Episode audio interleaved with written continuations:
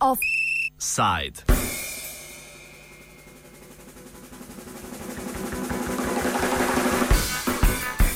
Novačenje islamskih borcev. Že v OFU smo poročali o današnji aretaciji islamskih verskih voditeljev. Obtoženi so kršenja ustavnosti in ogrožanja varnosti države.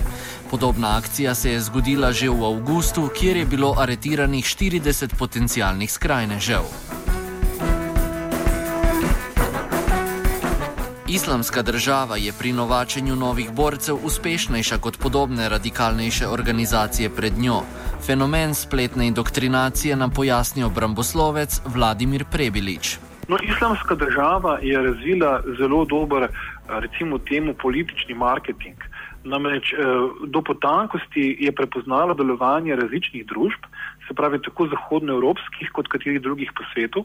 In zanimivo je, da imajo praktično zaslehano družbo uh, tako imenovani pull faktor oziroma uh, privlačni element, s katerim uspejo prepričati uh, določene socialne skupine v določenih skupnostih.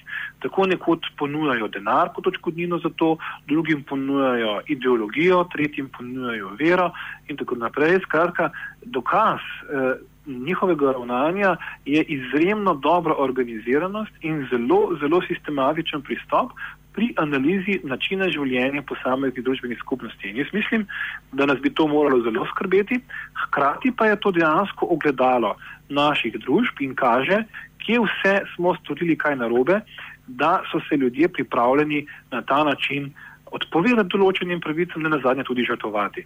Namreč socia, socialno bitje, kar človek je, ni v osnovi namenjeno za samo morilna dejanja, torej nekaj ga je moglo k temu spodbuditi in tukaj mislim, da je temeljni problem vseh nas. Teh razlogov eh, nismo odpravljali pravočasno in zdaj so seveda ti isti razlogi uporabljeni dejansko proti nam.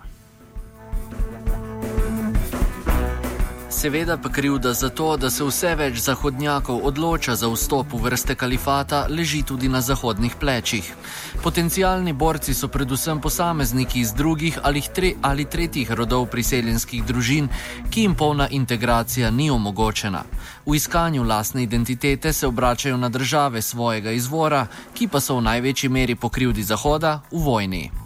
Glavni problem, eh, ki ga, ki, s katerim se že dolgo časa sooča moderna, demokratična zahodna družba, je ravno ne, neuspešna integracija bom rekel, ljudi, ki so prihajali v Evropo kot uh, poceni delovna sila. In to uh, nekako zdaj še bolj eskalira, predvsem v drugi, tretji generaciji, kjer je to, ta iskanje identitete še toliko močnejše.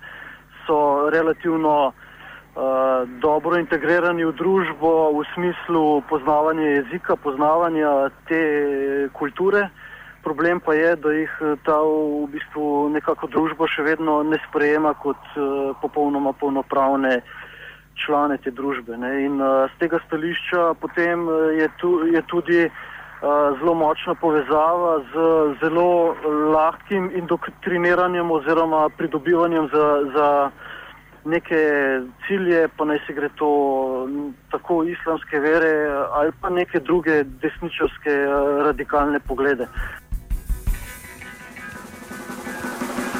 Obramboslovec Prebilič nam komentira represivne ukrepe Zahoda, ki naj bi preprečevali dotok tujih borcev v islamsko državo. No, jaz mislim, da prvi ukrep bi seveda bil um, znanstven pristop k temu in ugotoviti, zakaj in kje eh, naši sistemi ne delujejo. Se pravi, ali so to mlade osebe, ki so preprosto upale na državo, um, ali so to, vem, uh, finančni in drugi razlogi, celo religiozni. Uh, in seveda bi mogli potem nasloviti ukrepe uh, na te težave. Se pravi, če je to problem marginalne izključenosti uh, mladih, potem očitno politika na področju vključevanja mladih v vodenje države, v aktivno državljanstvo, v aktivno participacijo ne deluje. Se pravi, tukaj bi bili potrebni ukrepi. Tako da jaz mislim, da je mnogo teh uh, mehkih ukrepov, s katerimi bi lahko te stvari reševali, vendar težava, ki je zdaj nastopila, je, da ti ukrepi uh, potrebujejo svoj čas. Jaz se bojim, da glede na akutno situacijo, situacije in nujnost tako imenovane gasilske akcije, eh, politiki nehajo razmišljati o teh vprašanjih, ampak se posvečajo nekim rokohitrskim rešitvam, ki pa po mojem mnenju ne bodo uspešne. Nekaj takšnih smo v zgodovini že imeli, ne na zadnje je bila takšna tudi uh, akcija ZDA v Iraku, pa vidimo, kam je pravzaprav Irak pripeljala. Tako da uh, žal se veliko od tega ne naučimo, uh, mislim pa, da je temeljni problem neaktivnost in še enkrat uh, politične elite, pa to zdaj velja za vse, ne samo za Republiko Slovenijo, se zdi, da niso več del neke družbe, ampak žal prevečkrat sami sebi namen in seveda posledice so sedaj tukaj in na ta račun se bo potrebno pač tudi plačati. Če so ukrepi na Kosovu bolj ostri, vsekakor niso edini. Zahod sprejema vrsto bolj ali manj represivnih zakonov, ki vzpostavljajo novo razmerje med osebno svobodo posameznika in nadzorom nad njim oziroma omejevanjem njegovega gibanja. Avstrija in Francija sta tako v fazi sprejemanja zakonov, ki bi mladoletnim osebam prepovedali potovanje brez vednosti njihovih staršev, od drugot pa so znani primeri oduzema potnih listov, pa uvajanja učnih ur re-radikalizacije.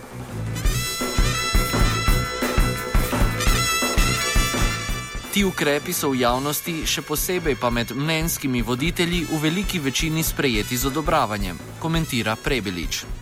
Drži. Čeprav moram povdariti, da v izhodišču vsako poseganje v človekove pravice bi nas moralo zelo skrbeti.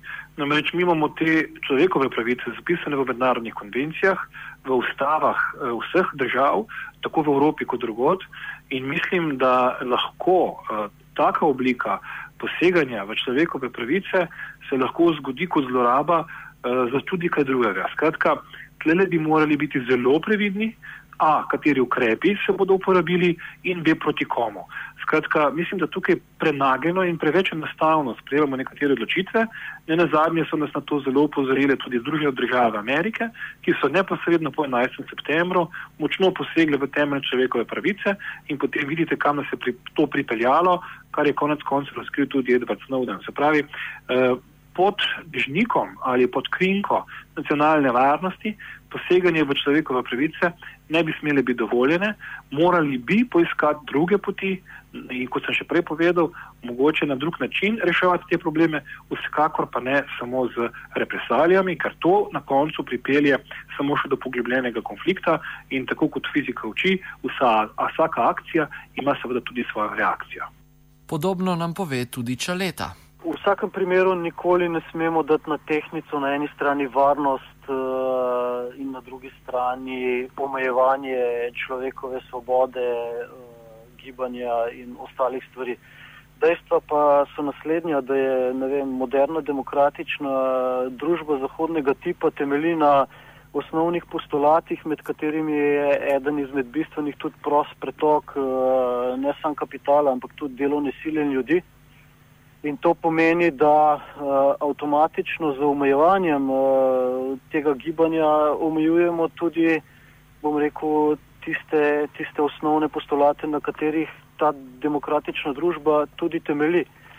Uh, tako da jaz menim, da, da omejevanje tega uh, prostega prehoda ni, ni pravi ali pa ni edini model za preprečevanje odhoda. Uh, odhoda, primer uh, teh uh, posameznikov na to krizno žarišče. Uh, tukaj predvsem uh, so popolnoma zatajile uh, službe, kot so socialna služba, uh, šolstvo in ostale stvari, kjer se lahko že v zelo zgodnih fazah, uh, bom rekel, te radikalizacije ali pa nagovarjanja strani določenih oseb lahko uh, identificira, da se nekaj dogaja in takrat se je treba poleg staršev vključiti, bom rekel, tudi cel drugi mehanizem, ker če vse ukrepe nekako usmerjamo samo na policijo in druge represivne organe, potem je ta bitka že v osnovah izgubljena. Toliko za danes o temi, kateri se bomo zagotovo v prihodnosti še posvečali. V prepovedanem položaju se je znašel noveli.